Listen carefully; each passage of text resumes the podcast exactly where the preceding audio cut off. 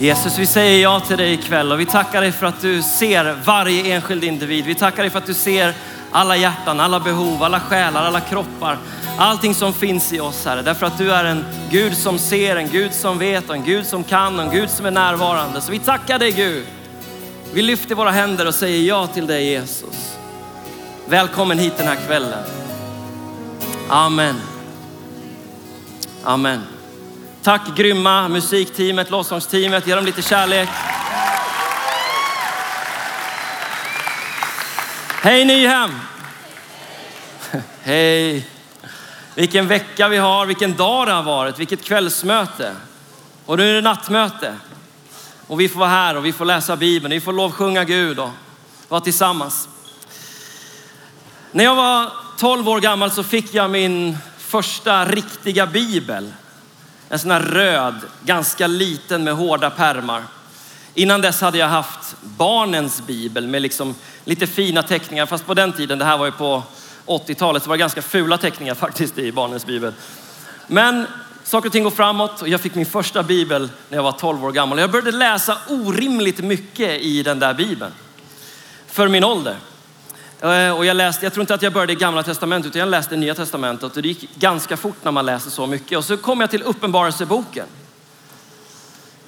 Och ni som har läst uppenbarelseboken vet att den har ett väldigt starkt bildspråk. Och jag som tolvåring som läste om odjur, som läste om horn, som läste om eldsjöar, som läste om hemska saker. Jag blev rädd tänkte det, oh, det här. Jag hade svårt att somna på kvällarna minns jag, flera månader. Därför jag hade de här bilderna i huvudet av de här odjuren och försökte föreställa mig hur de såg ut och vad de skulle göra.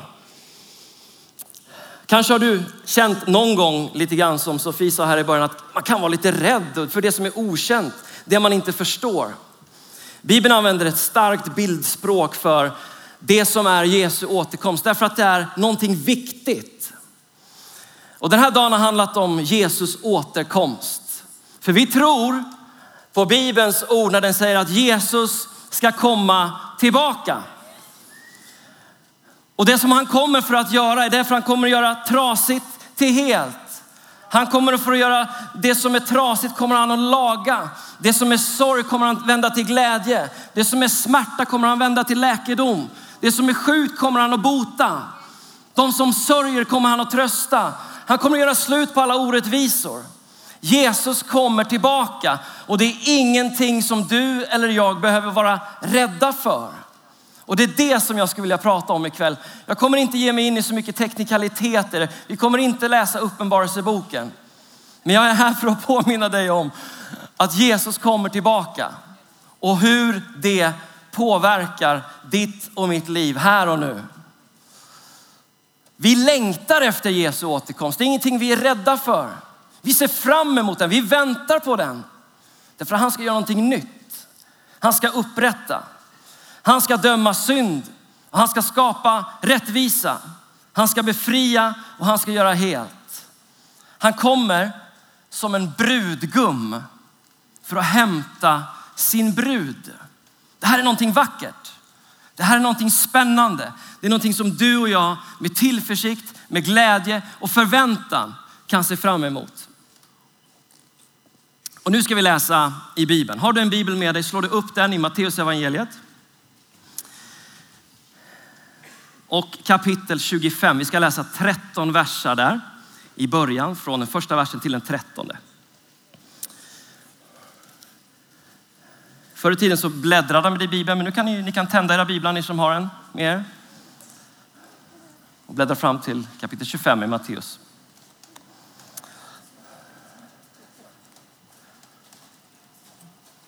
Och då är det Jesus som berättar en eh, liknelse. Han gör ju ofta det. Han berättar en story för att han vill förklara någonting. Han vill berätta någonting. Han vill få oss att förstå någonting som vi kanske inte har tänkt på förut. Och då berättar han så här. Då ska himmelriket bli som när tio jungfrur tog sina lampor och gick ut för att möta brudgummen. Fem av dem var oförståndiga och fem var kloka. De oförståndiga tog sina lampor men tog inte med sig någon olja. Medan de kloka tog olja i kärlen tillsammans med sina lampor. När brudgummen dröjde blev de alla dåsiga och somnade. Vid midnatt hördes ett rop. Brudgummen är här! Gå ut och möt honom. Då vaknade alla jungfrurna och gjorde i ordning sina lampor. De oförståndiga sa till de kloka, ge oss av er olja. Våra lampor slocknar. Och de kloka svarade, den skulle inte räcka både till oss och till er. Gå istället till de som säljer och köp. Men när de hade gått iväg för att köpa kom brudgummen och de som var redo gick med honom in till bröllopsfesten och dörren stängdes. Till slut kom de andra jungfrurna tillbaka och sa, Herre, Herre, öppna för oss. Men han svarade, jag säger er sanningen. Jag känner er inte. Håll er därför vakna, för ni vet inte vilken dag eller timme han kommer. Kanske har du hört eller läst en del som försöker förutsäga och i detalj komma fram till vilket år, vilken dag, vilket klockslag Jesus ska komma tillbaka. Men Jesus har gång på gång sagt att vi kan inte veta. Det är inte meningen att vi ska veta. Och det är inte det som vi kommer att tala om ikväll, utan jag kommer att tala om vad den här berättelsen betyder. Vad är det Jesus vill förklara för dig? Därför Jesus vill berätta någonting för dig. Och jag vet att du har kommit hit med saker i ditt liv, saker som du eh, har frågor omkring, saker som du brottas med, saker som du inte förstår, saker du är ledsen över, saker du är glad över, saker du är stolt över. Du har kommit hit ikväll därför att du har någonting med dig. Och Gud ser dig. Han är angelägen om dig. Och han vet om hur ditt liv ser ut och han vet framförallt så vet han vad du behöver. Han vet vad han vill ge dig. Okej, okay, den här texten, bara lite kort. Eh, det är en story, det är inget som har hänt på riktigt. Eh, och för att vi ska förstå lite grann konceptet så var det så att när man hade bröllop på den tiden så var det liksom inte bara en lördagkväll. Utan man hade bröllop i sju dagar. Och så var det fest. Och så bjöd man inte liksom de bara närmast sörjande utan man bjöd alla vänner, alla släktingar, hela stan, hela byn var välkommen och så var det fest. Och när de hade festat i några dagar så fördes eh, bruden av brudgummen genom staden till deras nya hem.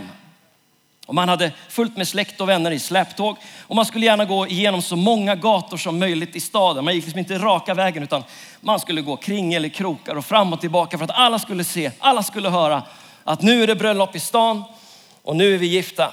Man skulle ta emot allas hyllningar. Och seden bjöd att när man började närma sig hemmet så möttes man av tio unga flickor, ogifta kvinnor.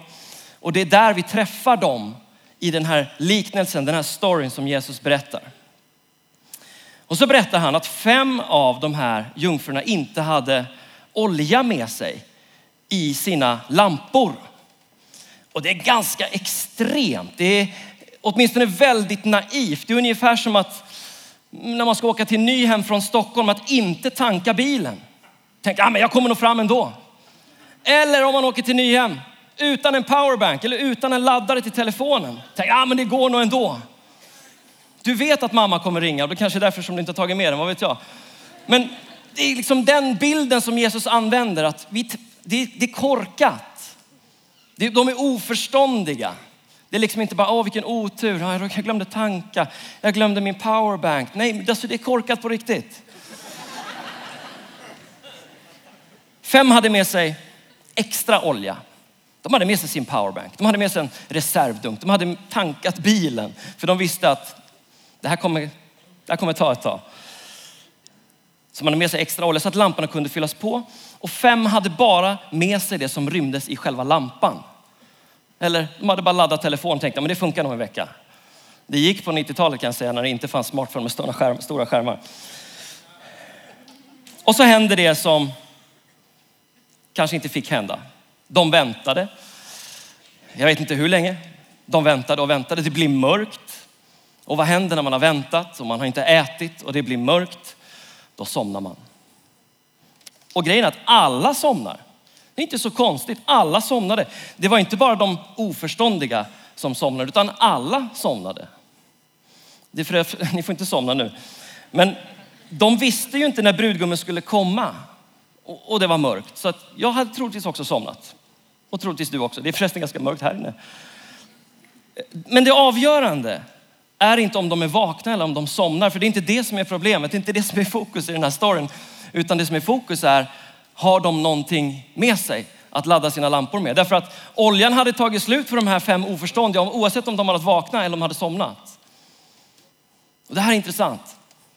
För det avgörande är inte vad du gör, utan var du är någonstans. Det avgörande är inte vem du är, utan hos vem du är. Vi kan göra massa olika saker, men vi kan göra dem hos Jesus. Vi kan göra dem med Jesus. Eller så kan vi göra dem utan Jesus, en bit bort ifrån honom. Så det mest avgörande är inte vad gör du? Eller vem är du? Utan hos vem är du? Vem är du nära? Eller vem är du långt ifrån? Du kan vara trött. Du kan vara pigg. Du kan vara ledsen. Du kan vara glad. Men frågan är, är du nära källan? Är du nära bränslet? Är du nära för att fylla på? Det är det som är den avgörande frågan här. Så nu ligger de där och sover, de här tio, i allsköns ro. Törnrosa sömn. Och alla blir överraskade. För helt plötsligt så kommer brudföljet. Wow, det är de här! Alla väcktes mitt i sömnen. Alla tio hade sin egen lampa som de började fixa med. De började göra i ordning den för nu ska det tändas upp. Nu kommer det liksom. Nu händer det. Och de här fem oförståndiga som inser att ah, min olja är slut. Ja, men då frågar vi dem som har med sig såklart. Kan vi få lite av er olja? Snälla, ni har jättemycket och vi har ingenting. Och det här har jag fascinerats över många gånger. De bara, nope. Ja, men det är lite taskigt.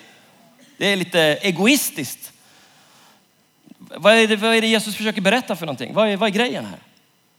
Ska vi inte vara generösa som kristna? Ska vi inte dela med oss? Ja, men det är inte det som den här berättelsen handlar om. Utan det är någonting annat. För vad tror du hade hänt om de som hade olja hade delat med sig till de som inte hade? Jo, då hade oljan tagit slut för allihopa. Ingen hade haft olja så att det räckte. Allas lampor hade slocknat och ingen hade mött brudgummen. Så även om de ville så kunde de inte dela med sig.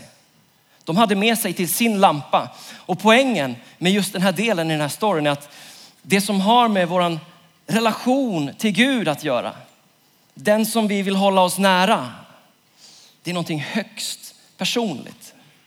Jag kan inte förlita mig på att min vän, min kompis, min pastor, min ungdomsledare, min mamma eller min pappa eller min bror eller min syster, att någon annan har en tro som ska bära mig. Absolut kan de be för mig, absolut kan de hjälpa mig. De kan stötta mig och uppmuntra mig. Men deras tro kan inte koppla ihop mig med Gud, kan inte dra mig nära, utan jag måste dra mig nära. Min olja är min, den räcker bara till min lampa, eller inte. Det är en sak mellan dig och Gud. Det är en sak mellan mig och Gud. Så de fem med olja, de mötte brudföljet och de var med på festen där inne. De kommer och de går in och så stänger de dörren. Och de fem oförståndiga, de hade ju stuckit mitt i natten skulle de gå och handla. Jag vet inte vad som är öppet. 7-Eleven typ. Går och köper olja mitt i natten. Kommer tillbaka, dörren är stängd. De fem förståndiga har gått in och så bara, vad gör vi? Vi knackar på och så ser vi om vi får komma in. De missar hela grejen. Dörren är stängd. Och så, så säger de som är där inne att ni kan gå härifrån. Jag känner er inte. Otroligt drastiskt. De har ju väntat hela kvällen, hela dagen, halva natten och de har ju haft olja, inte tillräckligt men och så har de gått och handlat och så får de inte komma in. Eh, det är nog mer än jag som tycker att det är lite märkligt. Ungefär som att de inte fick någonting av de som hade. Jag har tänkt på en sak. Eh, vi, vi pratar ofta i kyrkan om att man kan lära känna Gud. Här på Nyhem så säger vi det ofta. Du kan lära känna Gud. Du kan få en relation med Gud. Och det är sant. Och det faktum är att det är det som hela den här predikan handlar om. Att du kan få en relation med Gud. Inte fokus på vad du kan göra för Gud. Inte fokus på vad Gud kan göra för dig, utan fokus på att du kan få en relation med Gud i himlen. Och ibland så ställer man sig själv frågan, och kanske du ställer frågan till människor omkring dig. Hur kan man lära känna Gud? Ja, men ehm, man kan läsa Bibeln. Man kan be, man kan vara med och tjäna i kyrkan och man kan gå till kyrkan. Och man kan lovsjunga, man kan hjälpa de fattiga och man kan göra massa saker som drar mig närmre Gud. Alla de där grejerna är kanon. Alla de där grejerna talar Bibeln om. Det är rätt, det är bra. Men det finns en fråga som jag har funderat över. Och det är, hur kan Gud lära känna mig? Därför att det världen säger i slutet på den här berättelsen är, jag känner er inte. Och det återkommer gång på gång i Bibeln att det är inte bara vi som behöver lära känna Gud, utan Gud vill lära känna oss. Men Gud, han vet ju allt. Han kan ju allt. Han har ju skapat mig. Han följer mig varje dag, varje sekund, varje steg. Han vet vad jag tänker, han vet vad jag känner. Känner inte Gud mig? Jo, Gud känner dig. Han vet vem du är. Men det finns någonting mer i relationen med Gud. Och det handlar inte om vad du ber Gud att göra. Ofta när vi vänder oss till Gud så ber vi att Guds händer ska sättas i rörelse. Vi ber att han ska hela den, att han ska hjälpa den, han ska hjälpa mig, han ska göra det här. Bra grejer. Men vi, vi sträcker oss först efter Guds händer. När Gud mest av allt vill att vi ska sträcka oss efter hans hjärta. Och när vi ber för oss själva så säger vi, Gud, jag vill göra det här och jag ska göra den grejen. Jag ska börja med det här och jag ska sluta med det där och jag ska skärpa mig på det här området. Och så är det, så är det våra händer, det vi gör som är i fokus. Men det som Gud helst av allt vill se, det som han helst av allt vill göra någonting av är inte mina händer utan det är mitt hjärta. Så det är varken Guds hjärta som är, är det Gud, varken Guds händer som är det primära, inte mina händer som är det primära, utan det är mitt hjärta och det är Guds hjärta. Det är ditt hjärta och det är Guds hjärta. Han vill inte bara veta vem du är, för det vet han redan. Han vet allt om dig. Men han är en Gud som inte tränger sig på. Han är inte en Gud som tvingar sig in i ditt hjärta utan han vill att du ska öppna ditt hjärta så att han kan lära känna dig. Du kan bli känd av Gud från insidan och ut. Och så tänker du så här, okej, okay, nu, ska jag, nu ska jag börja läsa Bibeln. Jag ska skärpa till mig. Jag, jag vet ju att om jag ska lära känna Gud så då, bör, då måste jag börja läsa Bibeln. Jag måste be. Eh, och så måste jag börja göra alla de här sakerna. Men istället för att du tänker på din bibelläsning och din bön som en aktivitet. Tänk på dem som någonting som är en relation. Jag brukar tänka så här när jag ska läsa min bibel. Jag tänker mig att jag sätter mig vid ett bord.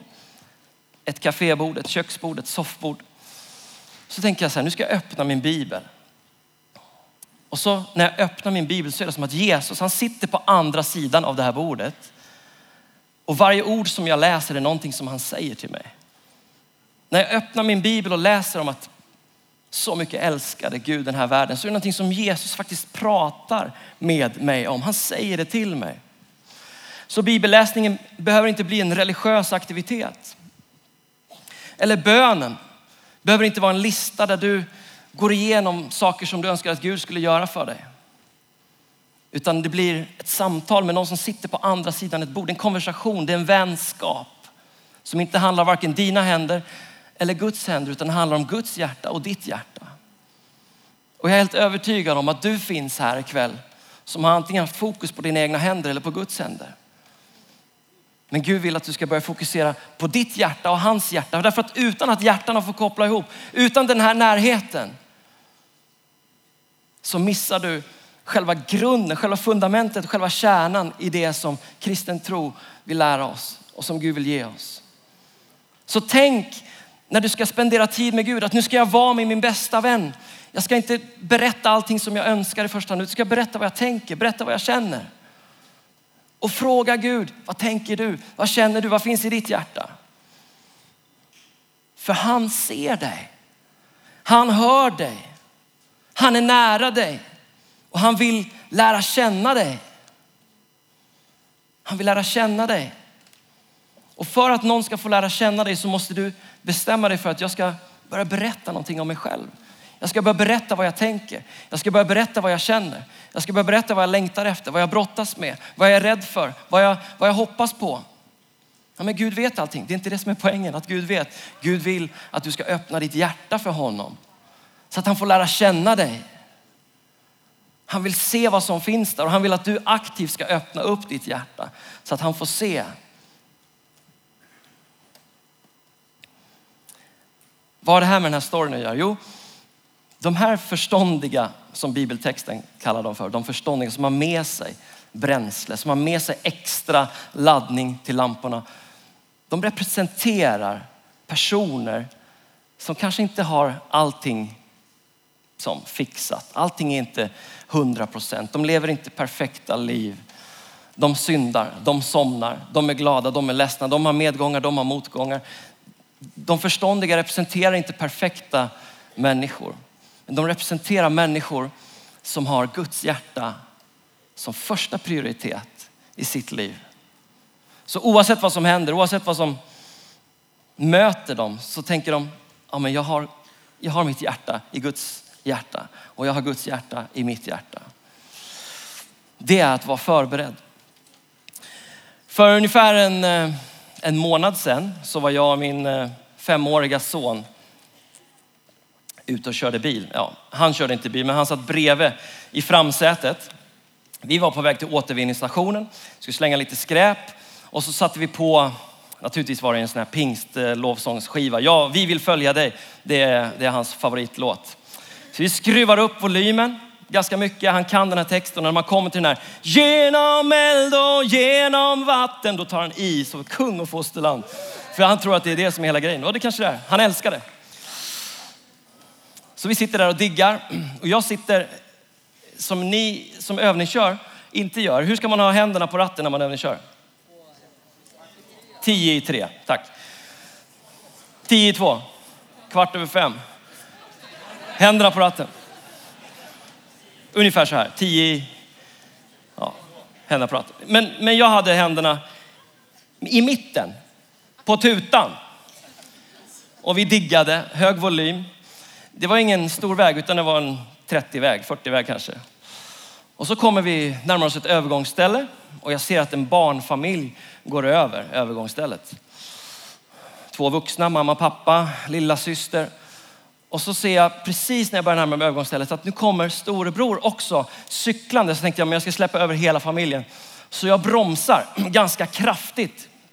Men eftersom vi har så hög volym så hör inte jag att jag liksom hänger mig på tutan. Så här, det är ju typ fem sekunder. Föräldrarna bara, idiot. Och då inser jag att jag tutar fortfarande. Den här storebrorsan får cykla över, han kanske var sju, åtta år. Och de bara står och skakar på huvudet. Idiot alltså. Och jag skäms ögonen ur mig. Skruvar ner musiken och bara, jag känner jag måste, vad ska jag göra åt situationen? Så jag hissar ner rutan och bara, det var inte meningen att tuta. Sen kom jag på ett, efteråt att jag skulle ha sagt det. Jag gjorde det helt oavsiktligt. Det var det som var Så sen den här dagen så har jag aldrig händerna på tutan.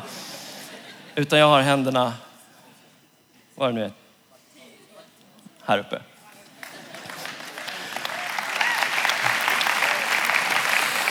Och jag tänker att det här är en fantastisk bild på vad det innebär att leva förberedd. Vad det innebär att vara liksom redo för saker som dyker upp, saker som kanske är oväntade, saker som jag inte har planerat för. Men jag kan bestämma mig för i, i, mitt, i min vardag, i, mitt, i mina rutiner, saker som jag, sättet jag väljer att leva mitt liv på. Att jag väljer att leva förberedd. Och i det här fallet handlar det om oavsett vad som händer, om jag syndar, när jag syndar, om jag misslyckas, när jag misslyckas, så ska jag alltid hålla mig nära Gud.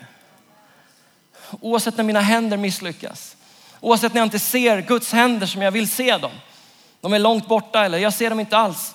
Så vill jag att mitt hjärta ska vara hos Guds hjärta. Och du sitter här ikväll och du har fokus på vad du har gjort eller vad du inte har gjort. Och du kanske har fokus på vad Gud har gjort eller vad Gud inte har gjort. Men vet du, idag är inte det det viktigaste. Idag är det viktigaste, var har du ditt hjärta? Och är du beredd att börja berätta för Gud vad som finns där? Vill du öppna ditt hjärta för Guds hjärta? Vill du leva nära honom? För om jag gör det, när jag lever nära honom så fyller jag på. Då fylls den här bränsletanken i mig på hela tiden. Jag tar inte slut. Men när jag inte fyller på, när jag inte lever med mitt hjärta nära Guds hjärta så blir jag ensam. Jag blir rädd. Jag famlar i mörker, jag snubblar. Och ibland så tänker man inte på att batteriet gradvis tar slut. Man är på Nyhem, det händer så mycket grejer, man läser alla meddelanden och man har telefonen i fickan och man märker inte att bränslet håller på att ta slut. Laddningen håller på att ta slut. Och ni vet vad som händer om man är ute och åker skidor eller man är ute på vinter. Vad händer med batteriet då? Det bara oh, tvärdyker. Så bara, åh det här ska jag filma. Åh, en procent, mm, nej. Alla har varit med om det, eller hur? Katastrof. Man tänker inte alltid på att man måste vara förberedd, leva förberedd, vara påfylld, leva nära.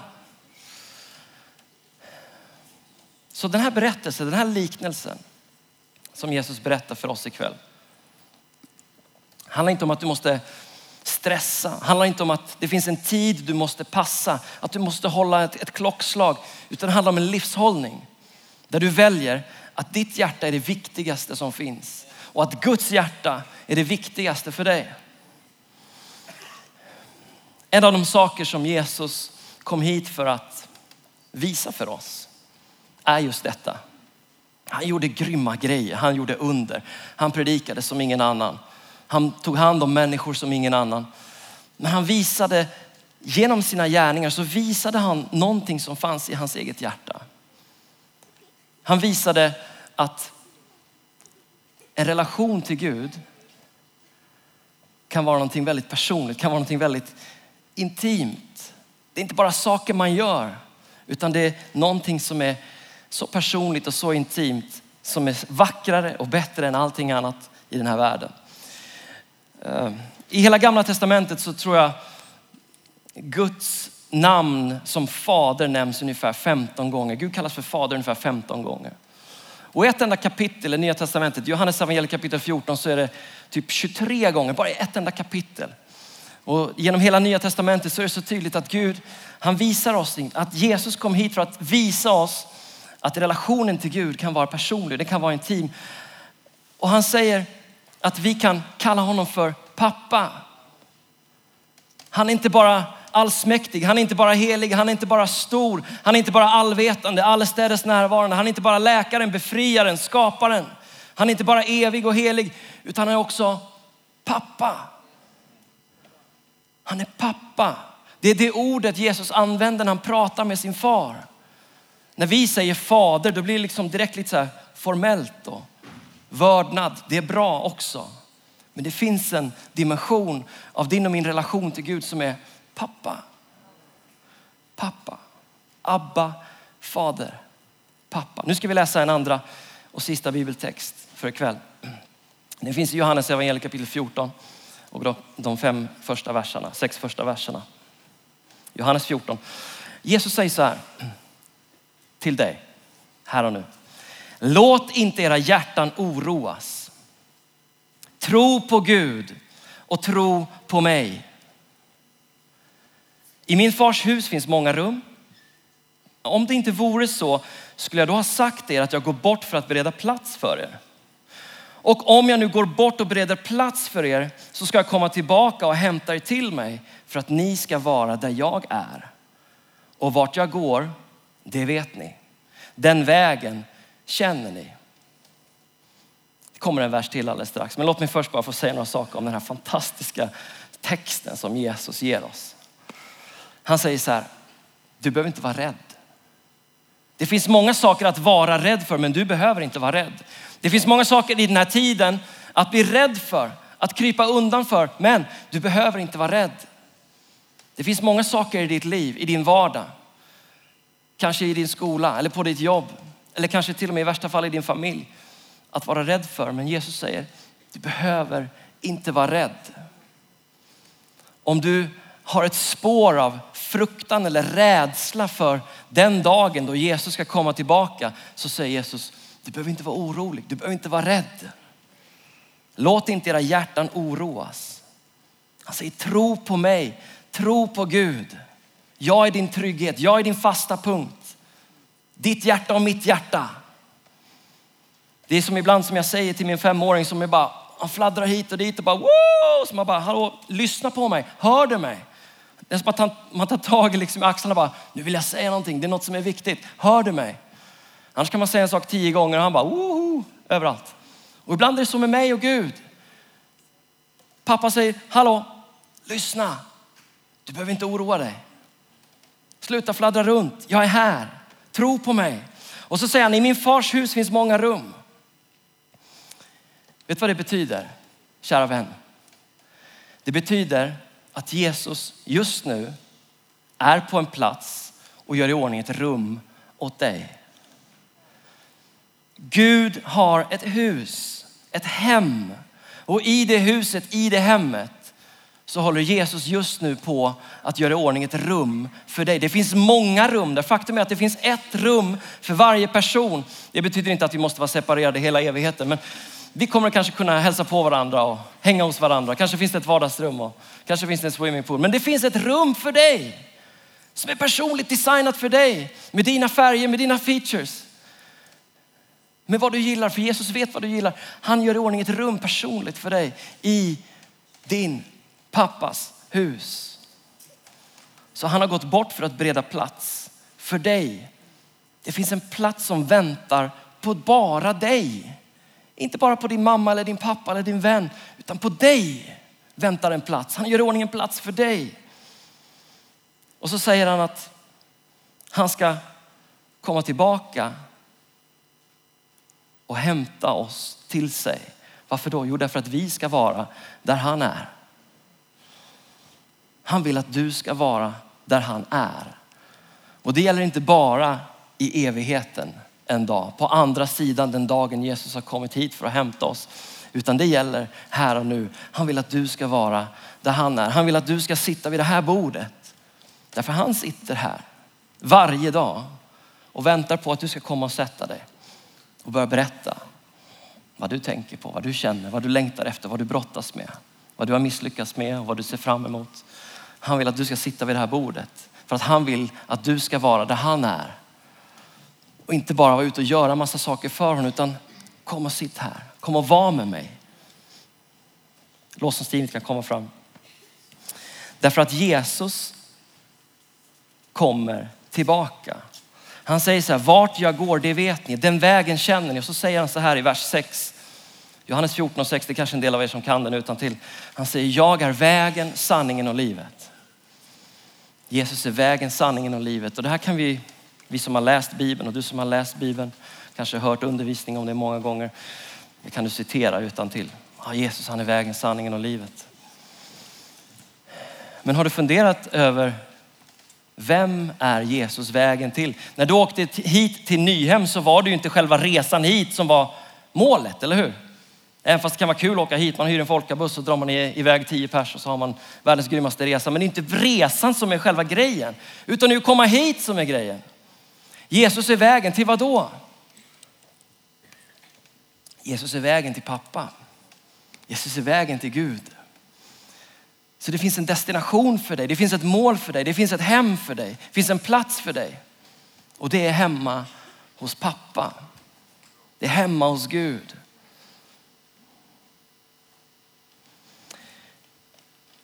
När man är så här på en sån här fantastisk plats och man lovsjunger och så ber man och så lyssnar man till undervisning och så är man tillsammans med sina vänner och man ser och hör och upplever saker. Och så känner man ibland att var ni här på kvällsmötet förresten? En del av er. Känner att Gud var här.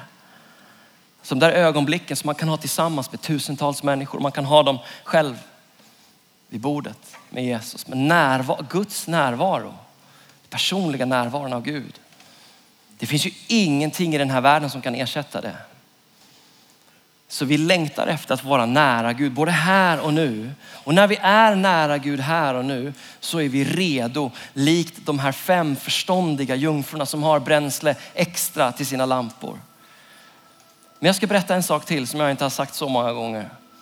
Det är att om det är inte bara så att, att Guds närvaro är den bästa platsen för oss. Utan Gud tänker på dig och det bästa Gud vet är din närvaro. Det finns, lyssna nu, det finns ingenting i den här världen som Gud älskar mer än din närvaro. Han har skapat himlar, stjärnor, galaxer, fantastiska saker. Han har skapat massor med människor. Och det är människorna som han älskar. För den här världens skull, så älskade Gud världen. Så älskade Gud dig att han gav sitt liv. Det finns ingenting som Gud älskar mer, som Gud längtar mer efter än din närvaro. Han sitter här vid bordet och väntar och säger, undrar om hon kommer bjuda in mig idag. Undrar om han kommer att bjuda in mig idag. Undrar om han sätter sig här och kommer att prata med mig idag. Undrar om jag får vara nära honom, henne idag. Så Gud väntar på dig. Gud längtar efter dig. Gud vill vara nära dig. Så låt din pappa, Gud i himlen, få lära känna dig. Så att han kan säga till dig, jag känner dig. Jag vet vem du är. Ska vi ställa oss upp över hela hallen?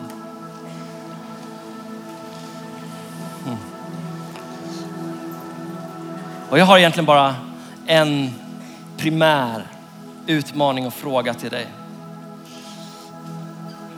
Och det är just den här frågan. Vill du sätta dig vid bordet hos Jesus och säga, okej, okay, jag vill att du ska lära känna mig. Jag vet massa saker om dig Gud, men jag vill att du ska lära känna mig. Jag vill inte bara söka dina händer. Jag vill inte bara visa dig mina händer. Jag vill visa dig mitt hjärta och jag vill se ditt hjärta Gud.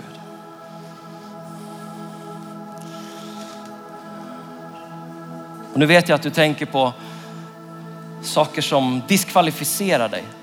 Som du tror diskvalificerar dig. Saker du har sagt, saker du har gjort, saker du inte har sagt, saker du inte har gjort. Men det är fokus på liksom görande. Men vet du, ingenting av det där är något som helst bekymmer för Gud. Därför han har redan tagit bort allt det där som hindrar. När han kom hit till världen och dog på det där korset så tog han bort alla de där sakerna som du tror hindrar dig från att sätta dig vid det här bordet. Du tror att du inte är värdig, du tror att du inte förtjänar det. Du tror att du inte är redo, du tror att det inte är välkommet, att det inte är öppet. Men vet du, det är inte sant. Därför Jesus tagit bort allting som hindrar dig från att komma och sätta dig vid det här bordet. Och du kämpar med saker och du har varit med om saker som du tänker, men det här är ingen som vet om. Men Gud vet om det. Och han längtar efter att du ska sätta dig vid det här bordet och berätta det för honom. Innan den här gudstjänsten så var jag tillsammans med alla de här fantastiska förebedjarna som finns här. Och Gud har talat till dem om massa saker som finns i det här rummet. Gud har talat till dem om er. Massa olika saker har Gud redan berättat. Så Gud är redo, Gud väntar på dig. Vackra saker, stora saker. Så nu öppnar vi den här förbönsplatsen här. Och när du kommer ifrån din plats, när du lämnar din plats här bara om något ögonblick och börjar ta steg emot din Gud i himlen, pappa Gud, så är du på väg mot det här bordet. Och du behöver inte ha levt ett liv i totalt mörker. Du kan ha levt ett, ett härligt liv. Du kan vara en trogen tjänare, en ledare, kanske till och med en pastor i din kyrka. Men Gud väntar ändå på att du ska komma och sätta dig vid det här bordet. Därför du har gjort så mycket. Men Gud är ute efter ditt hjärta. Så välkommen hit. Vi ska sjunga tillsammans med Erik och teamet här. Nu ska vi ta en stund och sätta oss vid det här bordet. Och du behöver inte be Gud att göra massa saker. Du behöver inte göra massa saker för Gud, utan bara kom in i hans närvaro. Därför att när du lever i hans närvaro så ser du fram emot den dagen då han kommer för att hämta hem sina vänner, kommer för att hämta hem sina barn. Du har ingenting att frukta, ingenting att vara orolig för, ingenting att vara rädd för. Så välkommen i Jesu namn. Kom på en gång och sök Guds närvaro ikväll. Lämna din plats, lämna din stol, lämna den position som du har. Det kanske det här blir som en metafor, som en bild. Att du liksom, men jag står ju här, jag har ju varit här i flera år på den här platsen, på den här punkten. Jag kommer liksom inte vidare. Ikväll är en tidpunkt du kan gå vidare. Du kan lämna det som du tycker är fastlåst, där du sitter fast och bara, nu går jag till Gud. Välkommen i Jesu namn. Vi sjunger tillsammans.